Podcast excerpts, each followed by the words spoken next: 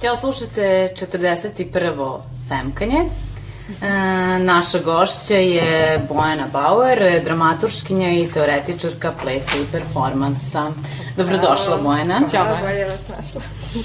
E, u prethodnom razgovoru smo se dogovorile zapravo da e, bi bilo najbolje da slušalcima razjasnimo osnovne pojmove kada je u pitanju savremeni ples, performans i dramaturgija plesa.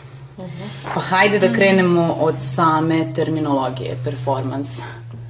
Performansa, pa da, malo pre smo o tome pričali šta podrazumamo pod performansom i pitala si me malo na osnovu mojih saradnji sa umetnicima, pošto da sarađujem sa, i sa koreografima i sa jednim vizualnim umetnikom koja bi bila razlika, pa sam rekla da neke osnovne i radikalne razlike možda i nemaju da su u sadašnjem svetu umetnosti ja imam tisak više institucionalne podele nego neke suštinske umetničke. A e, što se tiče same, samog termina performansa, on se vrlo široko koristi, pa postoji i dosta zabuna, konfuzija oko toga. Meni izgleda najlakše da se podeli recimo na, na dve oblasti ili na dva porekla. Uh, naravno, termin dolazi iz engleskog jezika uh, i u ostalim jezice, u stvari je neprevodiv termin, tako da s te strane kulturološki je u stvari problematičan, kao i dosta toga što dolazi iz engleskog jezika se proširilo, pa se podrazumava nekako univerzalnim, ali u Francuskoj je dugo, recimo, pošto ja što radim, živim u Francuskoj, dugo je postojao otpor prema tom terminu, ali je neprevodiv, te je sada na kraju usvojen kao takav, tako se u francuskom koje na srpskom kaže performans, da mi, mi imamo u stvari uh, odgovarajući izraz koji je izvođenje na francuskom, ne postoji odgovarajuća reč uopšte, tako da se samo kaže performance.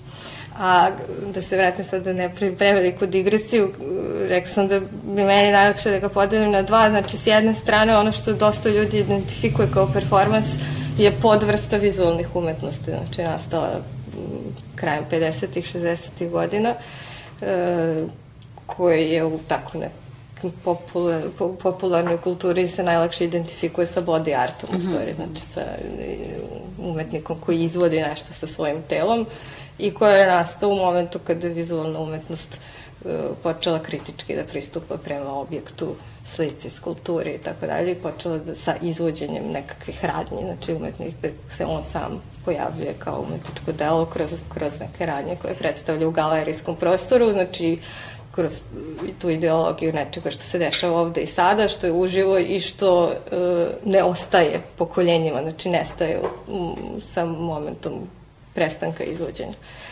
Uh, ali to je, znači, eto, jedna podvrsta vizualnih umetnosti um, i koja se institucionalizovala da, u svetu vizualnih umetnosti i, i na kraju i komercijalizovala. A s druge strane, sama reč performans ima i vrlo široko značenje u engleskom jeziku kao i izvođenje. Znači, bilo šta što se izvodi može da bude performance i performance na engleskom se koristi danas uh, za sve izvođačke umetnosti, bile one na sceni, u galeriji, bile ples, bile pozorište, e, sve to može da se zove performance. I, i van okvira umetnosti se reč koristi i i u industriji, znači znači što je dobro izveden projekat, znači kao kvalitet uh, i merljivost uh, nek, nekakvog izvođenja projekata.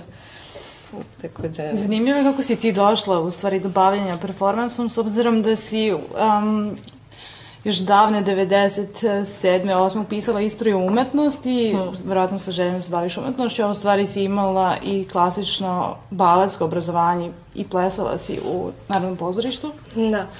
Ja sam, da, završila sam baletsku školu Luja Daviču i upisala sam istoriju umetnosti ne toliko sa idejom da ću se baviti vizualnom umetnošću i umetnošću, nego više sa željom da steknem obrazovanje.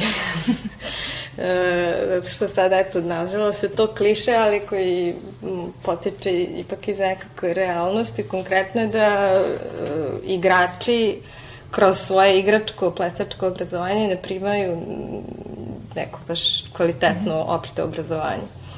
E, tako da sam upisala fakultet koji je, eto, blizak mojim interesovanjima, moga je to da bude možda i filozofija, ali mi je tada nekako bliže, bliže bila istorija umetnosti, sa željom da učim prosto, da saznam nešto u umetnosti, zato što, nažalost, kao plesač si treniran mhm. manje više kao, kao telo bez mozga. 98. u Parizu dobiješ uh, državnu diplomu profesora plesa. Da, znači... Kako je studij istorije umetnosti sam napustila, u stvari ovde sam jednu godinu ovako, sporadično pohađala, a u Parizu sam upisala, uh, u stvari to se i ne upisuje, znači ta državna diploma se ne dešava u određenim ne, ne dešava se na fakultetima, nego postoje institucije koje pripremaju uh, učenike koji pohađaju to da se pripreme znači, za ispit koji se dešava na državnom nivou u nekoliko gradova. Um, Ti si u stvari samo nastavila to klasično obrazovanje u Francuskoj. Da, apsolutno, znači to je uh, diploma profesora klasičnog baleta, znači tada sam još uvek potpuno u baletu, samo što me zanimalo da saznam nešto više, čak i kao plesač sam kroz tu kroz taj proces obrazovanja za profesora saznala nešto više o, o sebi kao plesaču i o metodama o, i o anatomiji uh, i u pristupu muzici i u istoriji plesa, koji su predmeti koji nominalno postoje u školi Ludovića, ali su prilično površno obrađivani. Uh -huh. I kada si zapravo uplovila u polje savremenog plesa i kada u odnosu na... I teorije, da. Da, ko je, tu, ko je tvoj neki stav u odnosu tog klasičkog, klasičnog baletskog obrazovanja uh, sa savremenim plesom? To je neki prelaz koji se desio istovremeno i naglo i, i postepeno, malo paradoksalno. Uh, već sam krenula, ajde da kažem, da flertujem savremenim plesom dok sam igrala. Znači, po, po završavanju te diplome u Francuskoj sam se vratila u Beograd i bila sam primljena u Narodno pozorište. I tada sam počela da, da radim malo sa Borisom Čakširanom, sa erg statusom, jer me zanimao drugačiji pokret, savremeni pristup i tako. I to je nešto što sam tada saznala da postoji u Beogradu i eto, otišla. Upoznala se sa Borisom i krenula sa njima da radim. Um, I krijala to od Narodnog pozorišta. I nastavila sam sa nekim manjim projektima u, u Evropi, u Španiji, Portugalu i onda sam se povredila. To je prilično klasična kliše priča plesača koji se povrede i sad je potrebna neka pauza, rehabilitacija. A umeđu vremenu kad sam bila u Francuskoj, prethodno saznala sam za Univerzitet Paris 8 i da tamo postoji u okviru studija scenskih umetnosti odsek za ples, znači u studiji estetike i teorije e, specializovane za ples. I znači tokom tog mog pauziranja sam rešila da apliciram i prošla sam taj prijemni ispit. Uh, i otišla ne sa nekom određenom namerom karijere, promenom, pravca radikalnom, nego sam prosto otišla u tom momentu me zanimalo, misleći možda će to da bude neka pauza, pa ću da nastavim, međutim sve dublje i dublje sam ulazila u taj sve teorije i kroz sve teorije sam upoznavala savremenu plesnu scenu u Francuskoj. I to me sve više vuklo i ceo klasični balet je bivao sve dalje i dalje. Posle toga si upisala master, pa onda, pa onda još jedan doktorski. Ne, jedan, jedan, sam, da? ja, samo jedan master i posle doktorske. Aha. Ja sam našla ovde u tvom CV-u. A ima metriza, to su francuske diplome. E, ja sam zakačila u stvari promenu e, školskog sistema univerzitetskog e, izazvanom ovim protokolom Bolonja. Tako da su francuske diplome, četvorogodišnje studije su u stvari podeljene na, četiri, na tri diplome, znači prve dve godine se zovu DEG, to su kao diploma osnovnih studija, pa onda ide licence, pa maîtrise, to su sve, to je sve u okviru četvorogodišnjih studija koje su kod nas samo diploma. Mm -hmm. I onda ide master koji sam ja upisala pod nazivom DLA, koji je znači, ekvivalent magistraturi, a taj DLA je posle Bolonje podeljen na master 1 i master 2. Znači da bi nekako održali, u stvari, mm -hmm. kvalitet dvogodišnjih magistarskih studija, master je podeljen na master 1 i master 2, tako sam ga ja upisala kao magistraturu, a dobila sam diplomu master 2. E, pre nego što budemo pričali o predmetu tvog istraživanja na mhm. masteru i uh na doktorskim, interesuje me, pomenula si da si krila u Narodnom pozorištu, da se baviš savremenim plesom, pa me interesuje koliko je ta klasična baletska scena zatvorena. Ja mislim, za, ne, za nisam sada mnogo upoznata šta se sada dešava, mm -hmm. ali se, koliko vidim po repertuaru, to se dosta otvorilo i vidim da su i neki e, plesači Narodnog pozorišta učestvuju u predstavama Bitev Dance Company i tako dalje. Kad sam ja bila član Narodnog, jeste bilo dosta zatvoreno iz nekih jednostavnih predrasuda o telu, pričali smo malo pre o telu, tehnikama tela, šta telo pamti. I kod predavača tada, balet majstora je postala predrasuda da ako se neko bavi savremenim plesom, da to su to drugačiji zahtevi, da to može da dovede do povreda, e, da će da nekako iskvari klasičnu tehniku, da oduzima vreme, da umori igrača i tako dalje. Tako da zbog toga ovaj, se prilično mrko gledalo na, na nekakve aktivnosti sa strane. Uh, upisuješ master u Parizu i odlaziš u Lisabon. Da. Uh, da radiš istraživanje m, prak, prakse uh, plesačice ili koreografkinje uh, Vere Mantero. Mm -hmm. Hajde, reci nam nešto malo o tome. Šta si istraživala vezano za nju? Njen rad sam otkrila dok sam još bila u Parizu, znači preko moje mentorka koja mi je bila, znači, za taj, u stvari, diplomski, to je ono što francuzi zovu maîtrise, to je u stvari diplomski rad. Mm -hmm. Znači, mono, gde sam ja uradila monografiju od nekih 70 strana o njenim solom, tri sola, mm -hmm. koje su, ja mislim, i dalje najbitnije delo u njenoj, mm -hmm. njenoj umetničkoj biografiji, znači iz 90-ih.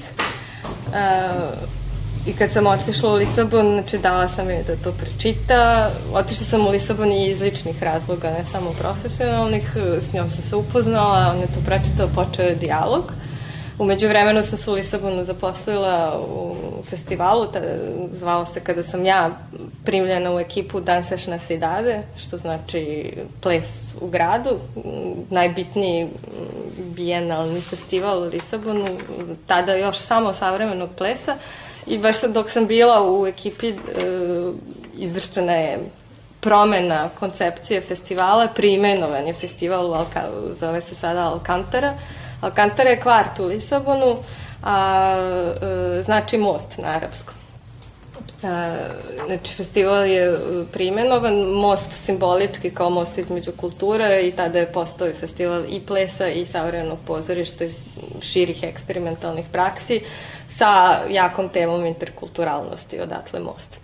Znači, zaposlala sam se u, u festivalu, u stvari kao producent i asistent uh, direktora festivala, um, a istovremeno sam radila sa Verom Mantero. Uh, ona je pokrenula projekat jedan, uh, znači neprodukcijski, nije pravila predstavu, to je bilo znači 2005. godine, nego je pozvala desetak umetnika i teoretičara i mi smo se jednom u dva ili, ja mislim da je bilo jednom u dva meseca, smo se sastajali na po tri dana i radili bez nekakvog uh, posebnog cilja i programa da se proizvede bilo kakav objekat, predstava uh, ili tekst, nego da prosto razmenjujemo iskustva, mišljenja, da isprobavamo, da podelimo metodologije i tako dalje. Tako da sam tako u okviru mm, tog nekog kolaborativnog projekta gde smo imali priliku da razmenjujemo znanja i iskustva, smo se upoznavale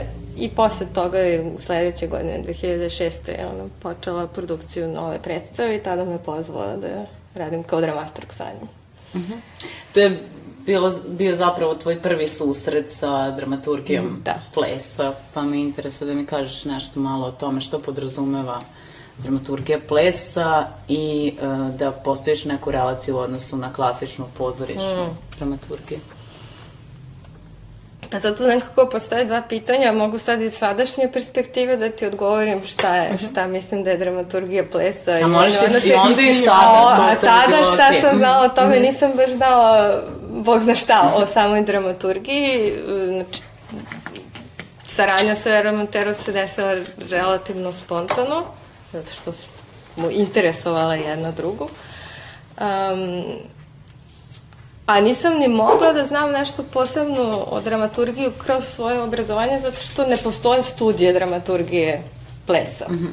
Što nije nešto što je ustanovljeno, institucionalizovano, metode, potrebna znanja nisu utvrđena.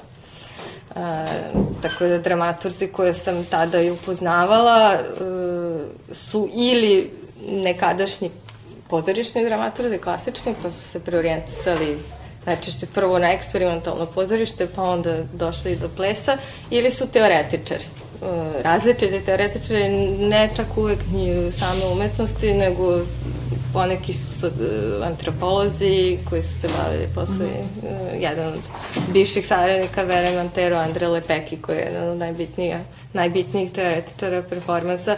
Ja po osnovnom obrazovanju antropologa radi, radio kao, i radi i dalje kao dramaturg u plesu i tako dalje.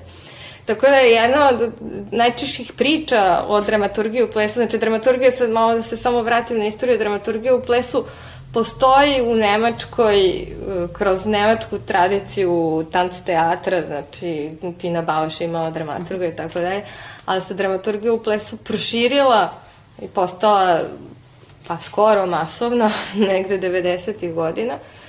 I u momentu kad je počela da se širi, je izazvala pitanja, problema i tako da je dosta i pisano o tome članaka, bilo je simpozijama i tako. Jedna od najčešćih nekih naracija o dramaturgiji je uh, da, da se ne zna šta je i da to sami dramaturzi govore i da se svaki put dramatur, dramaturgija nanovo osmišlja i izmišlja kroz svaki projekat.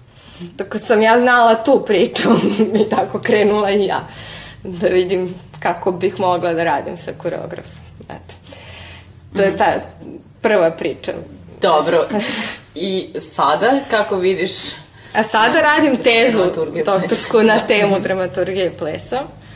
Uh, koju definišem dvojako, znači s jedne strane kao poetiku, zato što kroz sve to što sam čitala je, mi je zasmetala podela upravo uh, plesa i pozorišta koja malo sebi onako grize rep, ko zmija koja sebi grize rep, kako sad raščlaniti pozorište od plesa. Što mm. po, ples o kome govorimo jeste pozorište. To, znači na zapadnim, u zapadnoj kulturi mm -hmm. govorimo o plesu koji se prikazuje na pozorišnim scenama. Znači to jeste podvrsta pozorišta. Uh, a, nije dramsko u svakom slučaju. Sad postoje teorije postdramskog teatra koje približavaju nekako ples i pozorište kroz teleks, telesne prakse, rastakanje dramskih struktura, ne, nepostojanje lika, nepostojanje fabule i tako dalje. I sad postoji čuvena knjiga Hans T. Slemana o postdramskom pozorištu i ono što je paradoksalno u njegovoj teoriji recimo je da on priča, znači, ceo taj istorijat njegov rastakanja dramskog pozorišta, otvaranja pozorišta ka scenografskom, telesnom, znači materijalnom, scenskom i onda jednom se tu ples pojavljuje, neke te plesne prakse koje, postoju, koje se pojavljuju tu kao nekakvi opšti horizont pozorišta svakog, e, gde onda opet ples nije specifičan. Znači, ne pojavljuju se plesna dela sa svojim specifičnim praksama, metodologijama i ideologijama, nego se ples kao nešto opšte telesno pojavljuje kao mm, opšti horizont pozorišta, koje znači nije tekstualno, dramsko i tako dalje. Tako da je ta zamršenost u stvari u, te, u teorijama koje pokušavaju da raščlane pozorište i ples mi je zasmetala, tako da sam ja se vratila unazad i vratila se na Aristotela e, i definisala znači, dramaturgiju, znači analog na tome što je svaka pozorišna dramaturgija poetika pozorišta. E, tako da sam uz pomoć Aristotela definisala poetiku koju de, delim na tri neka nivoa, znači e, svako delo na određeni način određuje e, na određeni način određuje nekak, na nekakav način određuje odnos tog poetskog sveta sa realnim svetom To je recimo prvi neki nivo koji svaka dramaturgija i svaka poetika mora da razreši. Drugi nivo je kako se elementi, e, materijali povezuju, komponuju jedne sa drugom i treći nivo je kako se osmišlja odnos sa gledalcem, znači neki efekat e, na gledalca.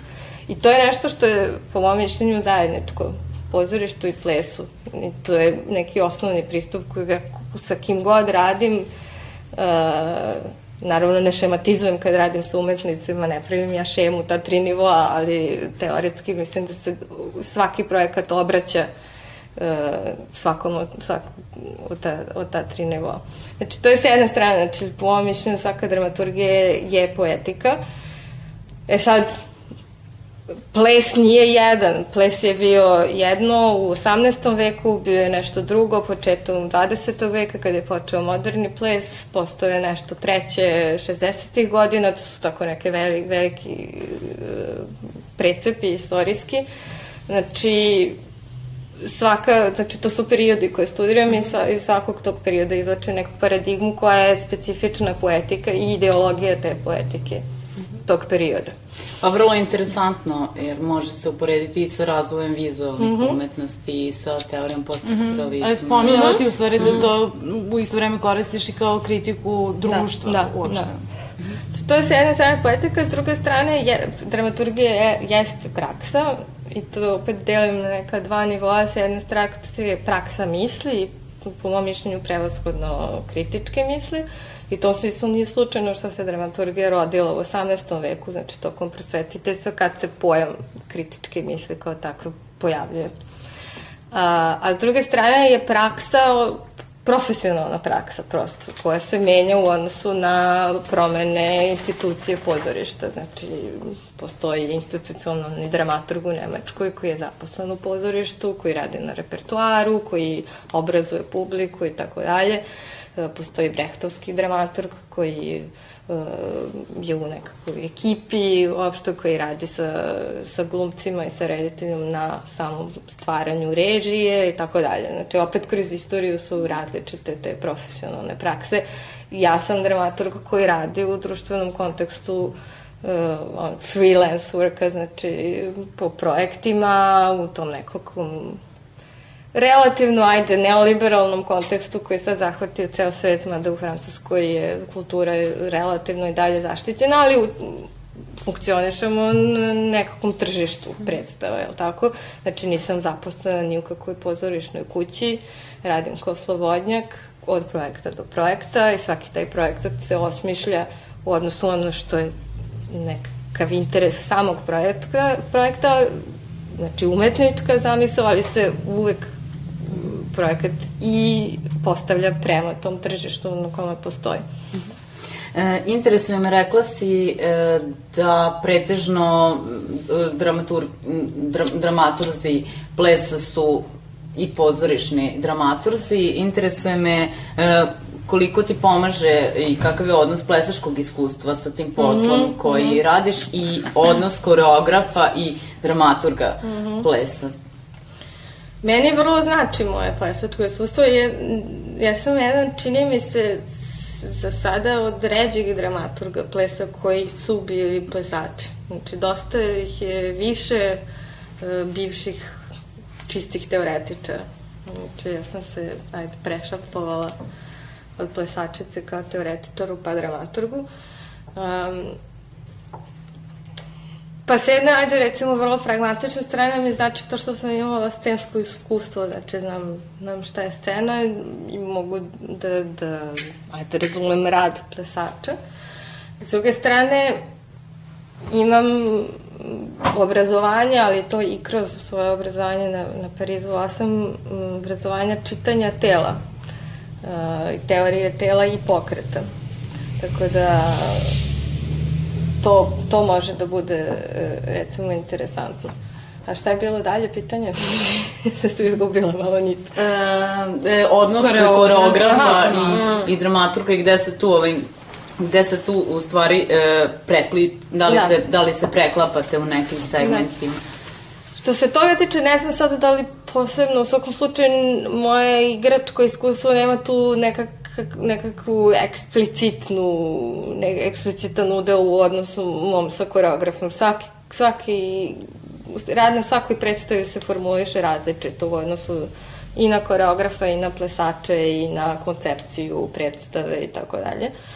Um, tako da mogu jedino pojedinačno da ti od, pričam mm -hmm. kako izgleda rad sa, sa kojim umetnikom, zavisno od toga na, na čemu i sa kim sarađujem. Um, jedino možda, eto, da, moje plesičko iskustvo u stvari najviše um, učestvuje u mom radu sa uh, vizualnim umetnikom. Mm -hmm. tu jedin, to je jedino mesto gde baš jasno koristim i čak ga nekad i treniram uh, kao performera koristeći svoje plesačka znanja. Tvoj redovni saradnik je Pedro Gomez Eganja, da. Mm -hmm koji je kolumbijac, a, e, živi između Norveške i, i Danske. Um, Tako sa da... njim radim, da, sa njim radim od 2007. 8. Znači, naj, najredovniji saradnik. Ti zapravo radiš sa vizualnim umetnikom e, na postavljanju uh, umetničkog performansa. Da. I kako to izgleda sa njim, na primer? koji je taj njegov domen, jer ako kažemo da, da je, e, postoji i performans koji je zapravo proistekao iz vizualnih umetnosti, mm -hmm. koliko se ta vaša shvatanja performansa mm -hmm. uh, prepliću ili se uh, podudaraju ili se odbijaju. u stvari, mislim, ovdje samo da spomenemo da on se zapravo ne koristi svojim telom mm. u svom radu ne koristi se u tom smislu neke tradicije body arta. Znači, on nekad jeste performer u svojim predstavama, ali u tom nekom estetskom i poetskom smislu ne radi na telu mm -hmm. uh, ni kao predmetu, ni kao nekakvom mestu upisivanja mm -hmm, uh, značenja direktnog i tako dalje niti u smislu nekakvog on, durational performance, znači izdržavanja nekak trajanja, muke i šta ti ja znam. Da, meni se čini da si u saradnji sa njim u stvari baš svela tu dramaturgiju na, či, na, čisto, na čistu njenu uh, ulogu mm. u, u samoj performativnosti dela. Da, u konceptivnom smislu da. A, u samom odnosu saradnje sa njim volim da radim zato što smo saradnici u punom smislu, znači on se meni obrati čim ima prvu ideju, koliko god ona bila nejasna. Znači, nekim drugim projektima mi se koreografi obrate kad već su počeli sa probama, pa me pozovu da pogledam to što već postoji, da prokomentarišem, da dam neki kritički uh, osvrt na to, pa onda na osnovu toga da smišljamo šta bi moglo dalje, kako da se promeni i tako dalje. On mi se obraćao od samog početka, tako da stvarno zajedno uh, stvaramo projekte. Razlika između njega i mene je što je uvek prvobitna ideja njegova i što je završna odluka njegova. znači u tom smislu on jasno ostaje autor, ali uh, s druge strane vrlo utičem na tok projekta. Znači i kod njega ponekad čak i, i izgubim ja uh, nekakav um, kako bih rekla, um, pojam svog mesta u projektu. Znači, moje mesto je prilično promenljivo, mobilno i ponekad se ponašam čak i kao umetnik, pa se onda svađamo oko ideje kako izgleda. nešto treba da izgleda i šta bismo radili, ali je zanimljivo što su to vrlo uvek argumentovane rasprave, tako da mi dosta tu znanja nekakvog zajedničkog uh, proizvedemo A... koje ostaje i za sledeće projekte i tako dalje. A kako se desio uopšte taj prelaz iz um, po, pozorišne sfere u, u galerijsku? Uh mhm. -huh. On ne radi uvek za galerije. Um, neke predstave su, neki projekti nisu predstave. Uh, radovi su smišljeni za galerijski prostor, neki za pseudo-teatralni prostor koji se dešava u nekakvim halama, hangarima i tako, pa se napravi konstrukcija nekakve scene. Um, njegov rad, iako su mu ra vrlo različiti radovi, neka konstanta uh, je problem vremena u savremenom svetu. Mm -hmm, da, sad sam baš htjela da spomenem mm -hmm. taj, taj jedan radno, poslednji radno kome ste mm -hmm. zajedno radili, mm -hmm. The, uh, the Object, object to, be Destroyed. To je naslov Men Reovog uh, performativne skulpture, da recimo verovatno mm -hmm. znate da to ljudi obično ne znaju naslova. Metronom na koji je zalepio oko. oko. E, to se zove Object to be Destroyed. Uh, to je bio neka, neka polazna tačka, iako na kraju nema ništa u, u Pedrovom projektu što bi vizualno podsjetilo na Man Ray-a. Uh -huh. um, u stvari ali, radi se o dva magneta da. suspendovana da. u prostoru. Da, znači jedan je vezan za pod, jedan za plafon i performeri, znači u određeno vreme se dešava uh, nameštanje dva magneta. Znači, jedan potpuno minorni, Ako mali, uh, dve devojke koje su, mm -hmm. znači, izvod, izvođači. A, I to je bilo, to ste predstavili na Bijenalu u Performanje, ja, mm -hmm. Bijenalu u Njurku.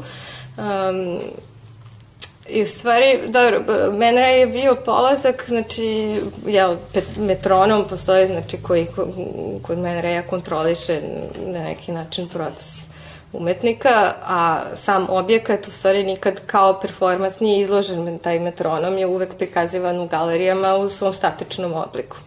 Znači, to taj ne, ne, neka tenzija između trajanja i, neka, i ne, trajanja objekta i performansa koji se dešava samo jednom načelno. To je jedna stvar. Druga stvar je to metrično vreme. Znači, Pedro vrlo često se bavi problemom momenta prelaska kulture u, indus, u industrializaciju i znači to Fordovsko izmereno uh, mehaničko vreme.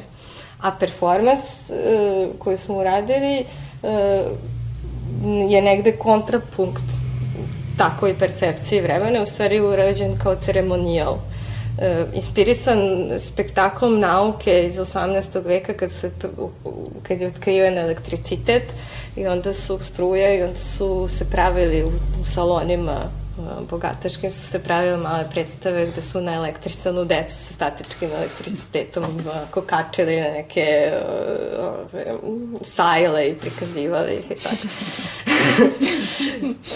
tako je to taj neki kultu, kulturološki aspekt spektakla koji se, može da se dešava u potpuno privatnim prostorima, znači koji nisu uopšte umetničke i tako. Tako smo se bavili tim nekim ekskluzivnošću i potpuno znači, odsecanjem od javnog prostora a, a pravljanja nečega potpuno spektakularnog.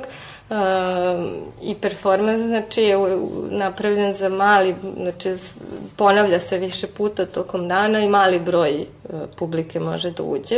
Uh -huh. a, I dešava se kao ceremonijal. Znači, to dešavanje nameštanja magneta traje dva minuta a, e, i to je kao događaj, a ceo performans traje da bi se došlo do toga što je prilično jedno ništa.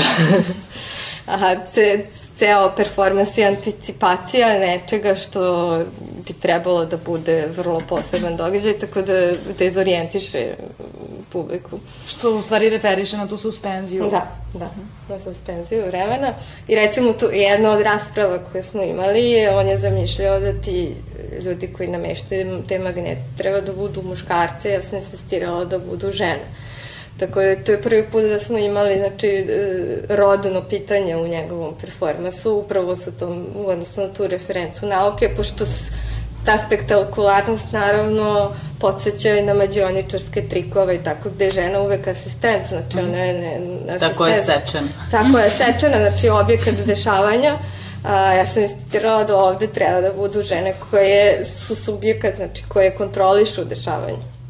A Pedro pa opet se plašio, on je s druge, s druge rodne strane to posmatrao pa gore, ali to je tako delikatna jedna radnja nameštanje tih malih magneta, bojim se da ne izgleda kao brig, znači da ne, te žene ne asociraju, asociraju na brigu, pa prirodu, pa magnetizam i tako dalje, tako smo kod toga dosta raspravili kako, koje značenje proizvodimo kroz tu radnju i da li su, znači, izvođači muškarci ili žene.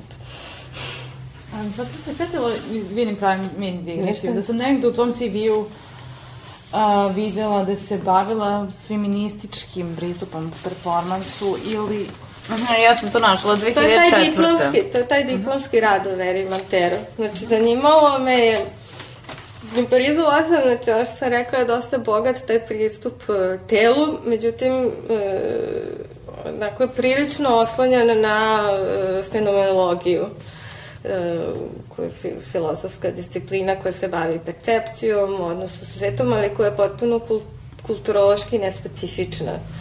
Um, ali vrlo bogata uh, oruđima i sredstvima za čitanje percepcije, ponašanja tela, uh, senzacija i tako dalje.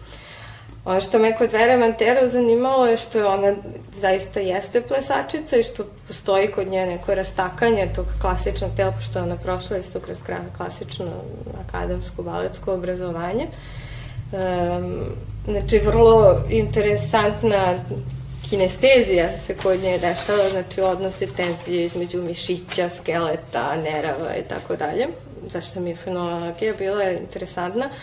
Ali e, je postojalo nešto vrlo snažno u njenoj scenskoj pojavi, što je delovalo kao relativno nejasan, ali ipak nekakav komentar ženskog tela i nekakvih ženskih historijskih figura, jer ona ima jedan solo koji je inspirisan Josephinom Baker, egzotizmom, izlaganjem drugač, nečeg drugačijeg drugosti i tako dalje. Tako da sam onda pokušala, tada još uvek verovatno nespretno kao diplomac, da spojim znači, to nekako fenomenološko čitanje kroz percepciju i oruđa znači, koje potiču iz poststrukturalizma i te neke lingvističke teorije čitanja uh, rodnih znakova u njenom delovanju. Ja mislim, zapravo, vratit ćemo se na nju, mislim da si ti, Katarina, ovaj, e, htjela da pomeniš e, kolaborativni projekat sa koreografkinjom Cecil Proust. Aha. A da, to si mislila, da. Da, to je u stvari ponovno promišljenje feminističkog da. performansa. U tom sam projektu malo kratko učestvovala jer projekat je dugo trajao, ali po mojom mišljenju u stvari nije zaista zaživeo. Znači, osnovna ideja se se uprosti bilo da e, se nekako pozabavi reenactment, znači tim ponovnim izvođenjima feminističkih performansa iz 60-ih. I za to se je sazvala vrlo interesantnu ekipu Uh, imali smo dve, dva ta sastanka od po dve nedelje rezidensa. Međutim, njena osnovna ideja u stvari nije bila zaista jasna zašto to danas, šta sa tim danas i tako dalje. Nešto tako kao da... pokušaj uh, izvođenja sedam lakih komada od mm. Marina Abramović kasnije.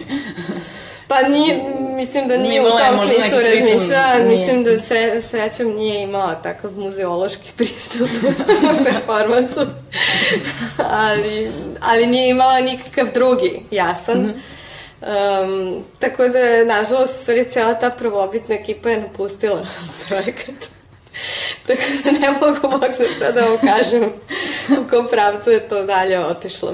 Ja sam posle toga u stvari se bavila više Verom Mantero i počela da radim u Lisabonu i tako. Mhm. -huh. Hoćeš nešto malo da mi ispričaš o tim iskustvima ne, tvog rada sa, sa Verom Mantero? Sa Verom Mantero. Uh, njen proces rada Uh, Ona je zapravo koreograf. Ona je koreograf, da.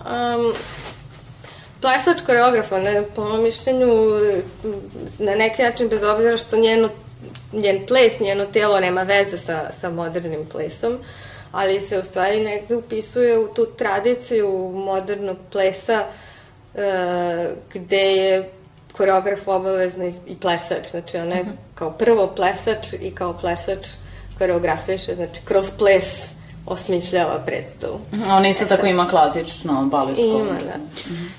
Um, I sad kad radi kao solista, to je vrlo interesantno zato što je to jedan, u stvari, dugotrajan proces kad se gledaju ra razna njena sola, e, tu se vidi jedan, u stvari, projekat, jedan pristup telu.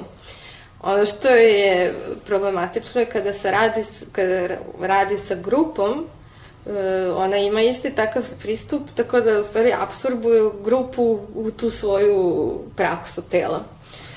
I... Da, meni je baš zanimljivo da ti, da ti je ova dok, a, doktorska teza, u stvari master 2, uh -huh. povodom stvaranja u zajedništvu. Zato što, da, da. Uh, jer njen, njen pristup grupnim projektima je uh, počinja od uh, problema stvaranja grupe.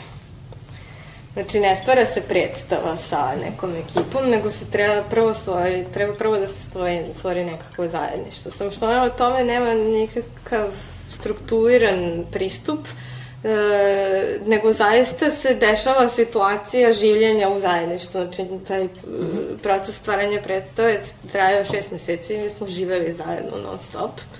E, dobar deo toga smo, tri meseca smo bili u, u bivšem manastiru koji je sad umetnički centar, ali u jednom portugalskom selu.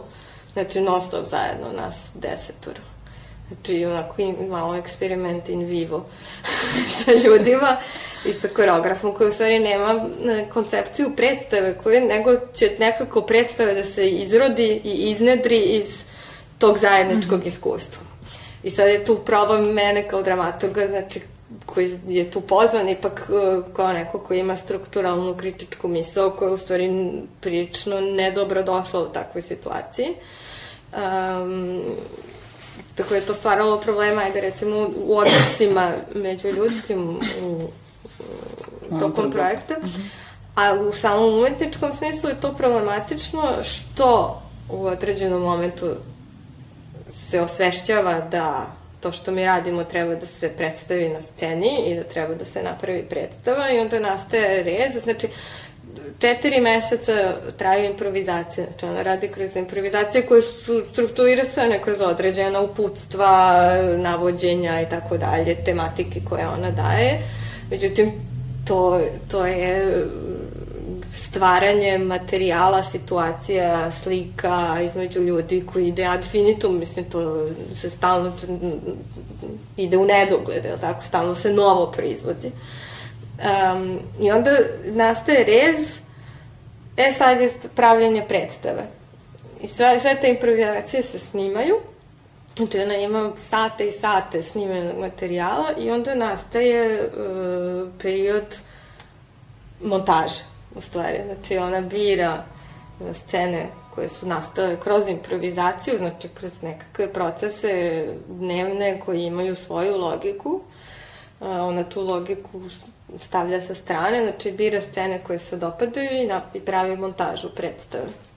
Znači ova scena mi se dopada, nije baš jasno zbog čega, to je, tu, tu je najveći kuršlus u stvari nastao između mene. Iz nešto obrazloženja u stvari ne postoje, to je potpuno intuitivno i postoje vrlo autorat, autoritativno, to ona hoće zato što se njoj sviđa. Dakle, onda dolazi do, u sam, samoj predstavi, performansu, dolazi do, do interpretacije tih e, situacija koje su snimljene. Pa interpretacije jasno ni nema, znači pravi se montaža od scena mm -hmm. koje su interesantne i onda se to kaže uh, učesnicima, ovo mi se sviđa, to ponovite, znači mm -hmm. ljudi su dovedeni u situaciju da ponavljaju, imitiraju i uče na pamet sobstvene improvizacije. I onda se od toga uh, sklopi predstav. Ono što sam ja neko, nešto sam malo pa, uspela da pogledam od Veramenteru, nekako mi se čini da je uh, poprilično ne znam, rekla bih da je možda pomalo nadrealno u smislu da je toliko fokusirana na sobstveno telo jeste, i na sobstveni doživljaj. Jeste, jeste, jeste. I znači kad, kad radi kao solo performer, to je interesantno, zato što je sve proživljeno kroz njeno telo i to proizvodi i određene osjećaje i značenja i tako dalje. Ali preneti to tako kako je na grupu jeste problematično. Znači, bilo bi interesantno, ja to nisam uradila, znači moja ta magistarska teza se bavi upravo tom problematičnom ideologijom zajednice i problemom vizuelnosti znači, postavljanja mm, jednog procesa pred ogledalo, gde u stvari publika postaje to ogledalo, znači gde predstava mhm. nije pravljanja od početka e, sa idejom da će to biti nešto što je i vizuelna predstava. Znači, jedan nasilan rez između iskustvenog, znači što je proživljavano i što nije samo po sebi napravljeno tako da je za gledalca i odjednom to se sklapa u nekakvu strukturu manje više narativnu koja je za gledalca, znači koja je uh, vizualno postavljena. Znači, to je u estetskom i poetskom smislu jedan onako vrlo... I rekla bih nekako da... Nagao rez. Mm -hmm. Da ima manje, manje pokreta i da, da ima više, više naracije nego, nego samog plesa, pa, pa bih to povezala sa interdisciplinarnošću e, savremenog plesa i kako ti vidiš tu interdisciplinarnost da, i efekte -hmm. te interdisciplinarnosti. Mm -hmm.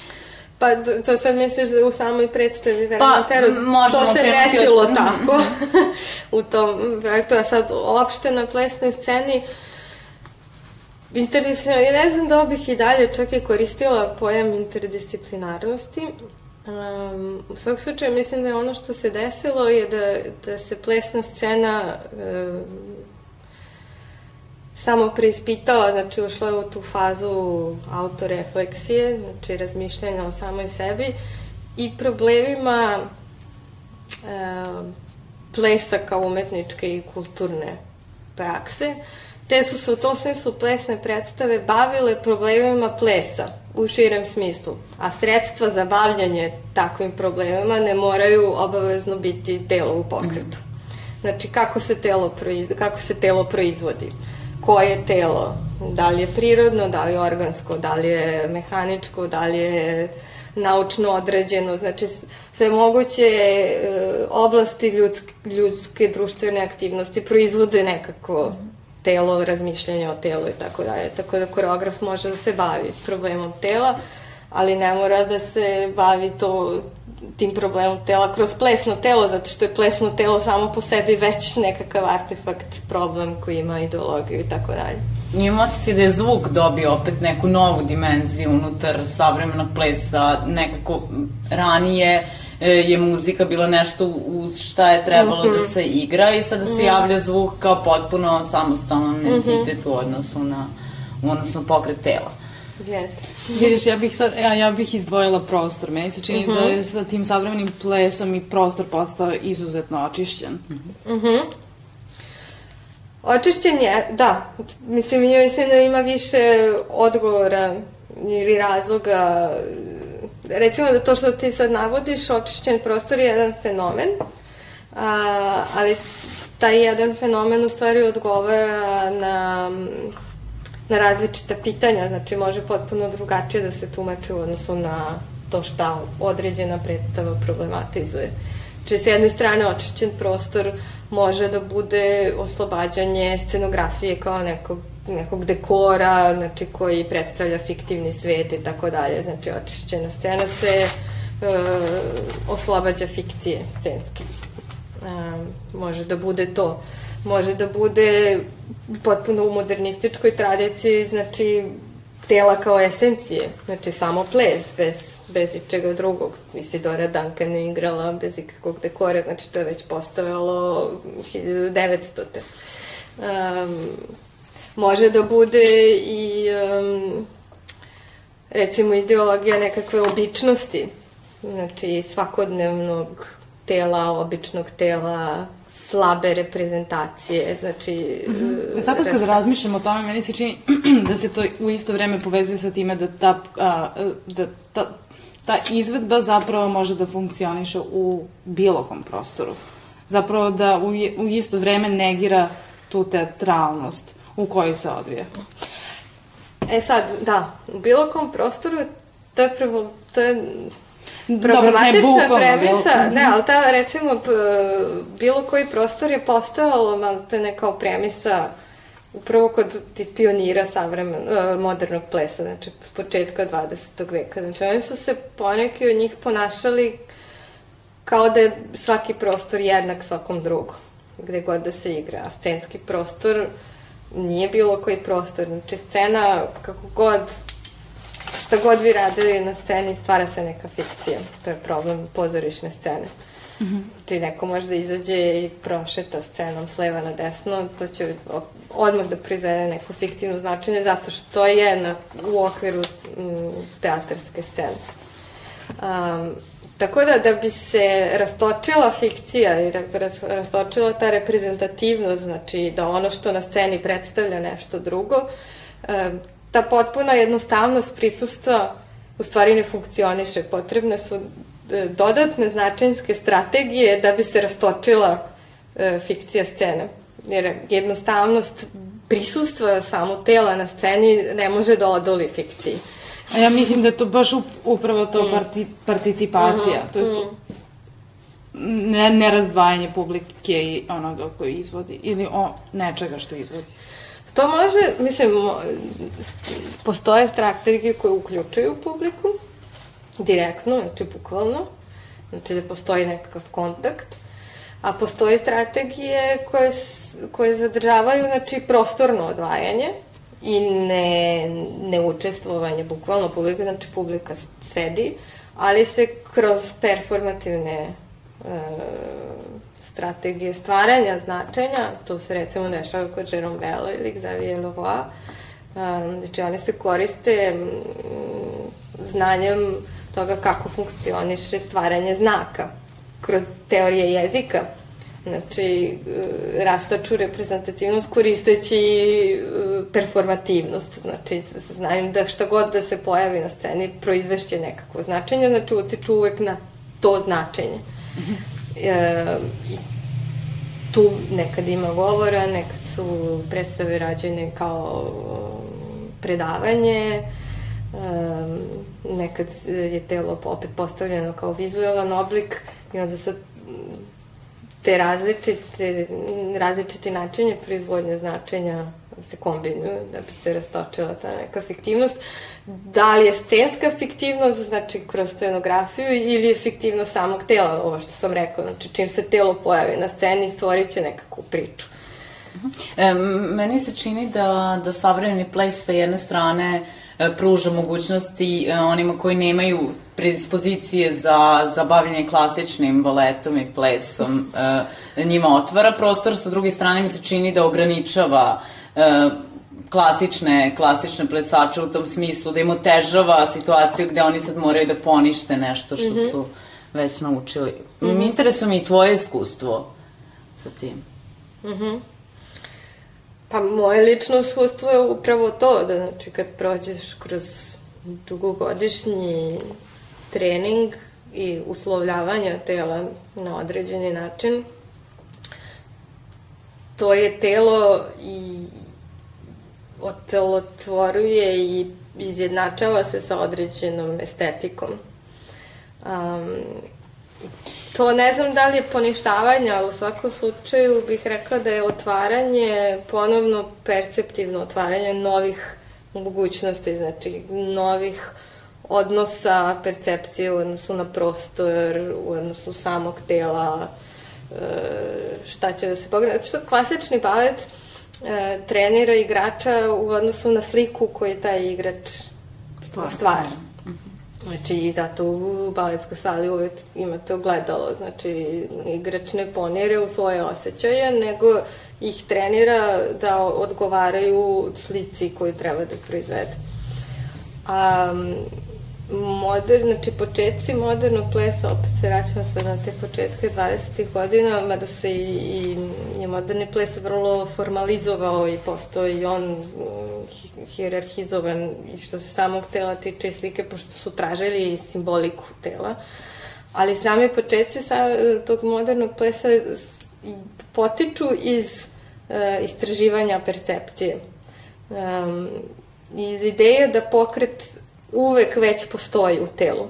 I kad ne i kad se ne izvodi ništa posebno u prostoru, znači ne mora da za niko da skače i tako dalje, tako da um, kad se čitaju recimo priče o tim modernim igračima, uvek postoji neki uh, osnovni mit kako je to počelo, znači kod Isidore Duncan je priča da je stajala satima uh, dok nije iz plek, u pleksusu osetila pokret kod um, Doris Humphrey isto tako stajanje satima dok nije osetila oscilaciju i počela da pada pa se vratila ponovo u, stojeći položaj. Znači, to su tu neki osnovni pokreti koji se ostvaruju um, i to svako može da oseti, mislim, kroz jednostavno iskustvo ako zatvoriš oči, osetiš da se nešto pokreće u telu ili ako legneš pa onako kao da skeniraš svoje telo, osjetit ćeš neke asimetrije i razlike, pa će ti izgledati odjedno da ti je jedna strana kraća od druge, pa će ti izgledati da ležiš u koso ili da ti je jedna ruka više od druge, pa otvoriš oči a vidiš da si potpuno simetričan i tako dalje. To su tu i unutrašnji pokreti i percepcija zove se percepcija. Znači sad imamo terminologiju za to, jedna kinestezija, a drugo je percepcija, mislim što sad su i neo, neuronauke se bave time, znači da postoje receptori uh, kroz celo telo da mi osjećamo pokret. Znači, činjenica da ja znam da mi je leva ruka sa leve strane i da uh, nije iznad moje glave, nego da je u visini ramena, to ja ne osjećam ni zato što je vidim, ni zato što je mirišem, ništa, nego zato što postoje receptori koji mi to, taj signal šalju u mozak. Znači, to je to neko šesto čulo, koji jeste sad zvanično čulo, percepcija. I stvari, ples se bavi time, znači tim nekim mikropercepcijama i kako one do, dovedu do vidljivog pokreta neke vidljive motorike i tako da. Ja bih htela sad da ti postavim jedno opšte pitanje, pošto mi se čini da se tako sve vreme bavimo teorijom. Mislim i joj zalazimo u različite teme ovde, ali me interesuje, kak, mislim, da li misliš da je savremeni ples a, dovoljno čitak danas? Meni se čini, mm. naročito što nije prisutan u Srbiji. Mm. Mislim, ja iz, iz tog konteksta postavljam pitanje. Mm. E pa sad, da, sad mislim da bi mogla da postoje dva odgovora. Jedno je scena u Srbiji i specifična scena u Srbiji. Ustalo možda specifičnost bilo koje scene koje može, mogu da se svede i na nivo grada, ne mora da bude tome sad na nacionalnom nivou i neke kulturne politike i tako da je. I u stvari ne bih bila baš u stanju da, da korektno odgovorim na to što se dešava u Srbiji, jer odavno nisam tu i ako sam u kontaktu sa nekim našim umetnicama, to su uglavnom ljudi koji su i oni u inostranstvu, tako pa povremeno dođemo ovde i tako. I znam da sad stanica sprovodi istraživanje o odlivu scene i tako. Mm -hmm. Bila sam prošle godine na sastanku u Novom Sadu o odlivu scene, tako se tu radi se na tome i to mi je vrlo drago.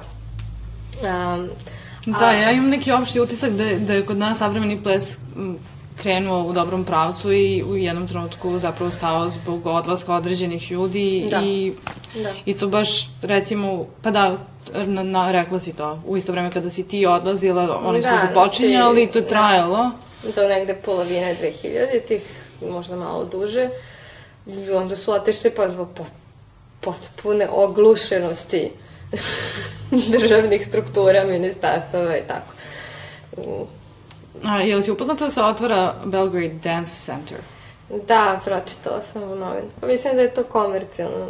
A videla sam da će tamo biti ovaj yoga i, i pilates. Mm -hmm. Pa to liči ja. na, to liči meni na, na, na američke te plesne centre gde kao fitness centar samo sa, sa, stav, sa stavkom umetnosti, znači i dovode se kvalifikovani ljudi naravno, ali to je ono što kažu francusko a la carte, znači kupuje se čas po čas sa tim i tim stručnjakom koje je to i to svetsko ime ove, i mislim da je to mm, komercijalni projekat, pa više nego umetnički. A šta primećuješ da nedostaje u Srbiji? A ja primeću. ti, ti nedostaje. Pa dobro, mislim, ne, nedostaje i edukacija, ali prevashodno nedostaje bilo kakva kulturna politika koja bi podržala e, bilo kakve eksperimentalne inicijative, znači ono što kod nas postoji je repertoarsko pozorište. Ono što je institucionalno i podržano je repertoarsko pozorište koje ne mora da bude loše, ali činjenica je da se u pozorištima igraju repertoarske drame, mislim, dramski tekstovi. Ne postoji ništa drugo. A ono što je po, počelo da živi 2000-ih nije podržano i ostalo je s tim nazivom nezavisna scena. Mm -hmm. um, Zapravo te nezavisna scena je savremena umetnost da, u Srbiji, tako da. na kraju ispada i da. mislim da je problem što stanovništvo nije bilo kontinuirano izloženo, uh, izloženo da. Da, ja sada pitam Ali koliko... se to radi... Oni su tako... stali negde i sad je to veliki procep njima da svare uh, to nešto za njih novo, a zapravo nešto uopšte Ali ja ne bih tu krivila publiku, to, sad tu možemo da proširimo to na tu širu priču nedostupnosti sa, savremenog plesa i tako dalje. Um, pa je kao i bilo šta što je malo zahtevno, malo novo, što je Znači, sva savremena umetnost, umetnost 20. veka može da se kritikuje, mada ja nisam pristalica te kritike, ali može da se kritikuje kao nešto nepristupačno i to je sama ideologija avangarde, da se stvara nešto što je pod navodnicima elitno i što identifikuje vrlo precizna problema u društvu i umetnosti mm -hmm. i što i što nekad kritikuje i samu publiku, mislim, to je bila ideja avangarde je da ispljuje sobstvenu publiku buržuazsku. Pa jel, to je ostalo negde u savremenoj odnosi i kako je se e, akumulirala ta neka is, istorijski narativ umetnosti, umetnost jeste se sve više obraćala samoj sebi, znači sobstvenoj istoriji, problema, problematizaciji sobstvene istorije. Tako da, ja ne bih nazvala to hermetičkim, ali to zahteva znanje. A znanje zahteva obrazovanje. Da. A problem kulturne politike e, na mnogim mestima u svetu je što smatra kulturom kao nekakvim dodatkom, znači kao ne kao suštinskim pot, suštinskom potrebom čoveka, nego kao nekakvim dodatkom kad je sve ostalo podmireno.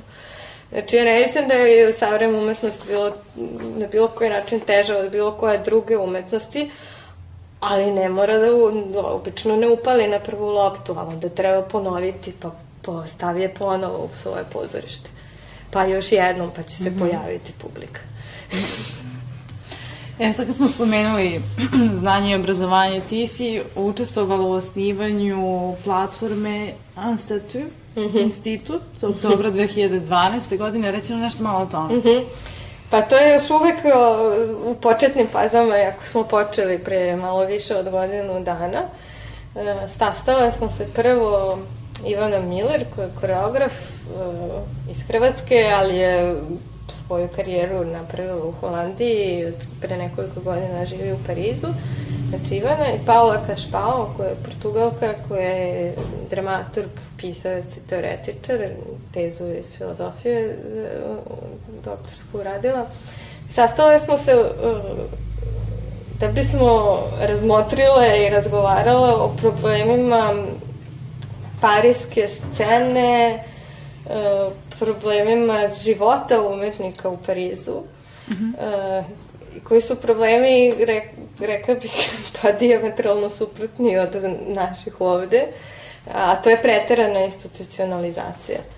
Znači, mm -hmm. u Francuskoj već godinama, decenijama postoji vrlo razvijena kulturna politika, uh, vrlo jasno podržavanje plesa, znači ples je u Francuskoj potpuno integrisan u mhm. nacionalnu kulturnu politiku uh, sa mnogobrojnim plesnim koreografskim centrima uh, u, Fran u mnogim francuskim gradovima i tako dalje.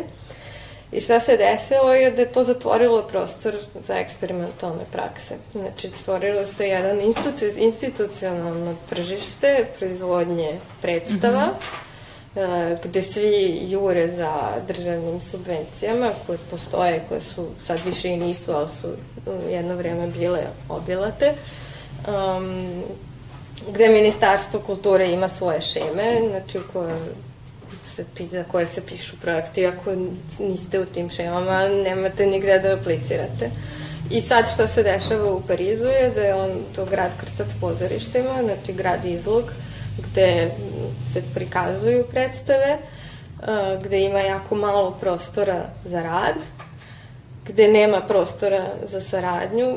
Ali zar, ja, ja, ja imam utisak lično da je nezavisna scena poprilično organizovana i sposobna da se financira i održava. A u Francuskoj ne postoji uopšte pojam nezavisne scene, to je potpuno neoperativan pojam za francuske prilike. Ne postoji nezavisna scena postoji samo zvanična scena e, i postoje nekakve e, marginalizovane prakse ali koje često ni umetnički nisu interesantne, e, skvatovi i takve neke mm -hmm. priče, e, koje se često zakopaju neke naivne e, socijalno umetničarenje. Da, da. Ove, I koji se često i obraćaju u stvari fondovima za socijalne projekte, a ne za umetničke. -hmm. Ali znam za neke projekte kao, ja mislim, Beton i onaj Le Laboratoire Pa da, ali to nisu, to nije nešto posebno nezavisna scena, oni isto dobijaju mm -hmm. državne subvencije, ali to su neke novije interesantne, mislim da laboratora nije novija inicijativa, ona postoji već 15 godina, ali to jesu neka in, interesantna, alternativnija mesta. Um, ali da, da se, mislim, postoje takva mesta, ali uh, svi se upišu u jednom momentu uh, u, te državne strukture, finansiranja i tako dalje, koje su strašno hierarhizovane. I znači odnosi između ljudi, e, baš zato što su odnosi moći vrlo e, jasno definisani, e, funkcionišu na svim nivoima. Znači ja kad odem u pozorište, pa izađemo s predstava i sad on u holu neka priča, tu se tačno vide odnosi moći, mogućnosti s kim, ko s kim može da priča, ko s kim ne može da priča, mm -hmm. uh, ovi direktori pozorišta koji ignorišu umetnike, nervoza i tako dalje. Um, ne, ne, u stvari, paradoksalno, potpuno je nedostatak kritičke rasprave, zato što se svi plaše da nekoga ne uvrede, E, da se ne ispale i tako dalje. Tako da smo se tim problemima smo počeli da se bavimo i um, došlo do toga da u stvari u Parizu ne postoje nikakve horizontalne platforme znači ne hijerarhizovane i koje se ne, upišu, ne, ne upisuju u uh, logiku pravljanja predstava. Znači sad ću da napravim mm -hmm. predstavu za šest meseci, sklopim ekipu, nađem novac za to i napravim predstavu. A što sam se nazvala institut onda? Potpuno ironično, zato što smo potpuno neinstitucionalni. A ste uspeli, jeste produkovali nešto do sada? Nismo. Znači, godinu dana su trajali naši razgovori, sastanci i razmišljanje kako da napravimo horizontalnu platformu. Mm -hmm. Ove, usporeno i time što... I ko je glavni?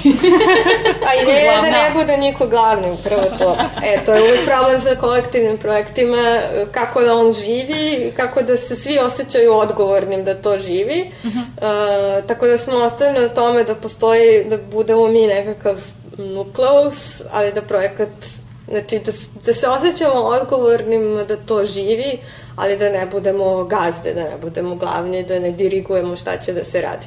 Tako da se pokreće sad u 2014 krećemo sa konkretnim akcijama. Jedna je vrlo jednostavna, a to će da bude mesečni sastanak u kafeu, znači namerno van bilo kakve umetničke institucije. Mm -hmm izabere se tema, da li je predstava, da li je izložba, da li je nekakav institucionalni problem, promena direkcije i tako dalje. Znači jednom mesečno se sastanemo, poslali smo mail, odnosno nismo još, poslaćemo sledeće nedelje, mail e, dvadesetak ljudi sa kojima smo do sada pričali i koje to interesuje. E, sastanemo se i rasprava o tom, samoupravljanju. to je znači najjednostavniji Hoćete to Najjednostavnija akcija, pa hoćemo, sigurno nismo se još dogovorili. To će biti kakav... performans za sebe već. O, hej. to, druga je ideja da napravimo kao uh, stalni workshop koji zovemo rasadnik ideja, uh, gde opet znači, u toj grupi od nas nekoliko dvadesetak uh, svako može da doprinese određenom temom um, koje, na koju na kojoj bi da radi, znači opet tema koja može da bude svašta i koja nije za njegov projekat mm -hmm. predstavu i tako dalje. i da se zove ljude na dva, tri dana, znači za to će nam biti potrebni ipak prostore koji nisu kafić. Um, I da radimo zajedno na tom. Znači, takvi mhm. prostori mm -hmm. ne postoje. Znači, to je to neka razmena i proizvodna znanja koja se ne upisuje u logiku pravljanja proizvoda. I to povlači e, šira pitanja ekonomije, znači e, namerno smo pokrenuli to bez traženja subvencija, znači svako ulaže svoje vreme i znanje, mm. besplatno. Mm -hmm. A, znači, dešava se neka afektivna ekonomija, razmena prijateljstva, razmena nekakvih um, usluga, ali koje nemaju monetarni ekvivalent e, razmena znanja, razmena našeg vremena i tako dalje. Znači, postoji, mislim, ne da postoji, nego je politička potka projekta vrlo jaka i o tome smo celu godinu diskutovali i vidjet ćemo kako ćemo to da i kako bih rekao, kako bi i taj aspekt projekta, projekta postao javni, znači, mm -hmm. verovatno će postojati publikacije, će postojiti konkretni susreti, a, bit će verovatno publikacije koje bismo opet želeli da, da zažive na, tom, na nekoj ad hoc po ad hoc sistemu, mm -hmm. znači da se to uradi u momentu kad nam je potrebno. Drugi program sa, par, sa parijskom scenom je da su reper, znači, programi pozorišta, to nisu repertoarska pozorišta, znači pozorišta u kojima mi razmišljamo su ona koje prikazuju savremene predstave, mm -hmm. znači koje se prave po projektima, ali to sve e, programirano dve godine unapred. Znači, u stvari, parijski program kasni stalno, zato što ti mm -hmm. direktori pozorišta putuju, pa onda dok oni to smisle šta će, pa da budu sigurni da će to da uspe sa publikom, tako dalje, tako da se stiže sa dve, tri, četiri godine zakašnjenja, a ako imate projekat, vi se upisujete, znači, za dve godine mm -hmm. repertoar pozorišta. Mm -hmm. Znači, jedna od ideja nam je i to, je da utičemo na taj odnos sa programatorima i da, da pokušamo da napravimo i neke ad hoc festivale, znači da će projekti koji su tek sad u povoju biti odmah prikazani i takve stvari. Mm -hmm. Znači, idemo u stvari kontra um, Zanimljivo, baš vam želim sreću s tim. Da, i, i sad nekako se to sve povezalo sa poslednjim pitanjem koje postavljamo u Femkonju, kako vidiš svoju budućnost, pa me interesuje da li bih htjela nešto da dodaš na ovu sada priču vezano za platformu. Da, pa je dobro, ta platforma jeste nešto što me zanima u budućnosti. E sad, nije problem, ali je specifičnost te platforme upravo što sam rekla, mm -hmm. njena ekonomija koja je ne, ne monetarna. Za sada ne znam koliko ćemo tako izdržati, ali je to neka vrsta aktivizma. Uh, Uh, Ono što bih ja lično volila da nastavim je da predajem, pošto predajem, to volim da, da radim. Da, to nismo ni stigli da kažemo. Kaži nam ukratko gde, gde predaješ. Pre, predavala sam jednu godinu na svom fakultetu na Parizu 8, master studentima sam držala uvod u teoriju performansa i, i analizu koreografskih dela, a tokom dve godine sam predavala na Bozar, znači Akademije vizualnih umetnosti u Nantu, a sem toga držim workshopove po raznim master programima i vraćam se, znači najviše predajem u master koreografiju u Montpellieru. Mm. O, i, tako da bih to svakako volala da nastavim. Volim taj pedagoški rad koji je me potpuno povezan zato što radim sa mladim umetnicima. Meni je blizak, u stvari, radu i sa potvrđenim umetnicima, samo što je otvoreniji, nekad nesigurniji i zahteva i od mene možda drugačiji stav kad, kad sam sa klincima od 19 godina. Ove, I dobro sad sa neke, ajde da kažem konkretno finansijske strane me interesuje profesura kao mm -hmm. stalnije zaposlenje. Da. Ove, ovaj, upravo da bih mogla da pretačem znači, to svoje vreme i, i ono što mogu da zaradim, mislim, kao platu, radeći recimo kao profesor, takav, takvi poslovi su potrebni da bih mogla da ga pretačem mm -hmm. u projekte kao što je, kao što je institut. Mm -hmm. I, I naravno nastavila bih svoj rad mm, sa, sa, sa umetnicima kao, mm -hmm. kao dramaturg. Znači, to su te neke tri To je moj tronožac. I tvoj muzički izbor? Mm -hmm. Moj muzički izbor je onako ne, nešto što sam u poslednjih par meseci slušala pa, u pauzama pisanja teze. Um, projekat je, zove se Tune Yards, a umetnica je muzičar uh, Meryl Garbus, koja je kana, kanadjanka, koja radi različite projekte, a ovaj se zove Tune Yards, koji je kao njen one woman band, mada ima najčešće jednog gitaristu sa sobom i album se zove Who Kill. Mm, hvala ti što si nam bila Bila si divna. hvala vama. Mogli smo da nastavimo. Mogli smo. Nadamo se da ćemo te videti u Srbiji opet i da ćeš nam gostovati u nekom pa ja panelu. Pa ja vrlo rado. Hvala vama Slušali na ovom divnom razgovoru. Slušali ste 41.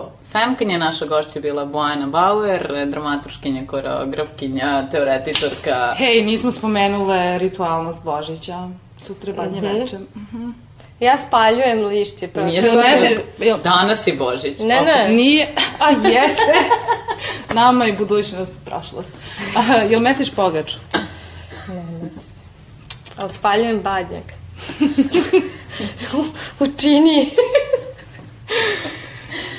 e, uživajte u Meryl Garbus. Slučujemo se sledeće nedelje. Ćao. Ćao.